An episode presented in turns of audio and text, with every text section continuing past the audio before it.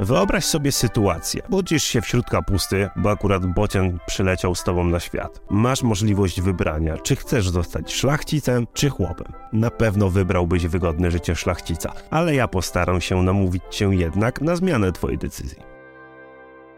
1. Jako klasa średnia stać się na dom. Przyjmijmy, że urodziłeś się w 1330 roku. Masz 17-18 lat, kiedy czarna śmierć uderza w 1347, tracisz ojca, matkę i całe rodzeństwo. Zaraz zaniszczy też połowę wioski, więc jesteś w stanie zdobyć więcej ziemi niż kiedykolwiek marzyłeś. Znaleźć miłą dziewczynę i pozbyć się większości feudalnych zobowiązań. Wyobraź sobie średniowieczny odpowiednik wyższej klasy średniej pod względem bogactwa. Taki osobnik mógł mieć na przykład taki dom. Chyba nie jest najgorzej. Będąc tak zamożnym, mogłeś sobie pozwolić na pościel, poduszki, a jakbyś mocno zacisnął pasa, to i by wystarczyło na konia albo muła. Numer dwa. Miałbyś dużo więcej wolnego czasu niż dzisiaj. Po pierwsze, światło dzienne dyktowało dzień pracy. Gdy słońce zachodziło, nie było oświetlenia elektrycznego, które by je przedłużało, więc wieczory były luźne. Po drugie, nie tylko niedziele były wolne, ale także tradycyjnie soboty nie były dniami roboczymi i mniej więcej co trzeci dzień w kalendarzu był dniem pamięci jakiegoś świętego, więc wtedy też się nie pracowało. Zimą nie było przy czym pracować, ponieważ był śnieg, więc można było wtedy więcej czasu poświęcić sobie czy rodzinie.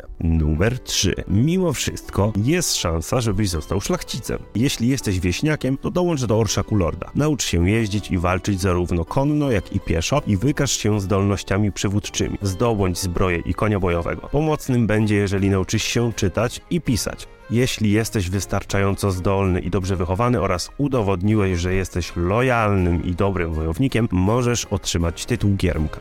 Przypadku wojny możesz mieć szansę na zdobycie ostróg. Jeśli jesteś chłopem pańszczyźnianym, sprawy są nieco trudniejsze. Najpierw musisz kupić swoją wolność i wznieść się ponad pańszczyznę. Może to być żmudne i trudne, ale nie jest niespotykane. Gdy już się to uda, to zdobądź zestaw wojskowy i dołącz do orszaku lorda. Z drugiej strony możesz też po prostu rozważyć długie i nudne życie jako ziemianin lub mieszczanin, jako ten lepszy pomysł niż krótkie i niebezpieczne życie jako szlachcic. Numer 4. Jesteś ważnym punktem systemu i możesz się sprzeciwiać. We wczesnych latach wojny stuletniej zaraza spustoszyła Europę i pochłonęła mniej więcej jedną trzecią populacji średniowiecznej Anglii i Walii. Czarna śmierć sprawiła, że ta mała choroba, którą niedawno przeżywaliśmy, wydaje się jak bryza i podobnie jak bryza przyniosła ze sobą wiatr zmian. Klasy niższe, chłopi i chłopi pańszczyźniani nagle zdali sobie sprawę, że ich brakuje i zażądali wyższych płac za pracę i zwiększonych praw. Spowodowało to, że chłopi pańszczyźniani opuszczali ziemię swoich panów, aby szukać lepiej płatnej pracy. Szlachcicom to się oczywiście nie spodobało, więc próbowali to ukrócić. Nałożono szereg wysokich podatków i surowych kar. Napiętnowano poddanych za opuszczanie posiadłości ich pana i ustalono maksymalną płacę, aby ich powstrzymać przed wzniesieniem się ponad ich pozycję. Chłop miał tu pewne możliwości nacisku. Jeśli nie przez negocjacje, no to na przykład przez stosowanie biernego oporu i uchylanie się od powinności. Co prawda ryzyko było dosyć spore, ponieważ lord miał pełne prawo do sądzenia i stosowania kar, ale taka forma nacisku czasami przynosiła skutki. Nikomu bowiem nie zależało na zaognianiu konfliktu, a tym bardziej na lokalnych chłopskich protestach i buntach, które w historii chociaż rzadko, ale jednak się zdarzały. No i numer 5. Pijesz piwerko kiedy tylko chcesz. Dla średniowiecznych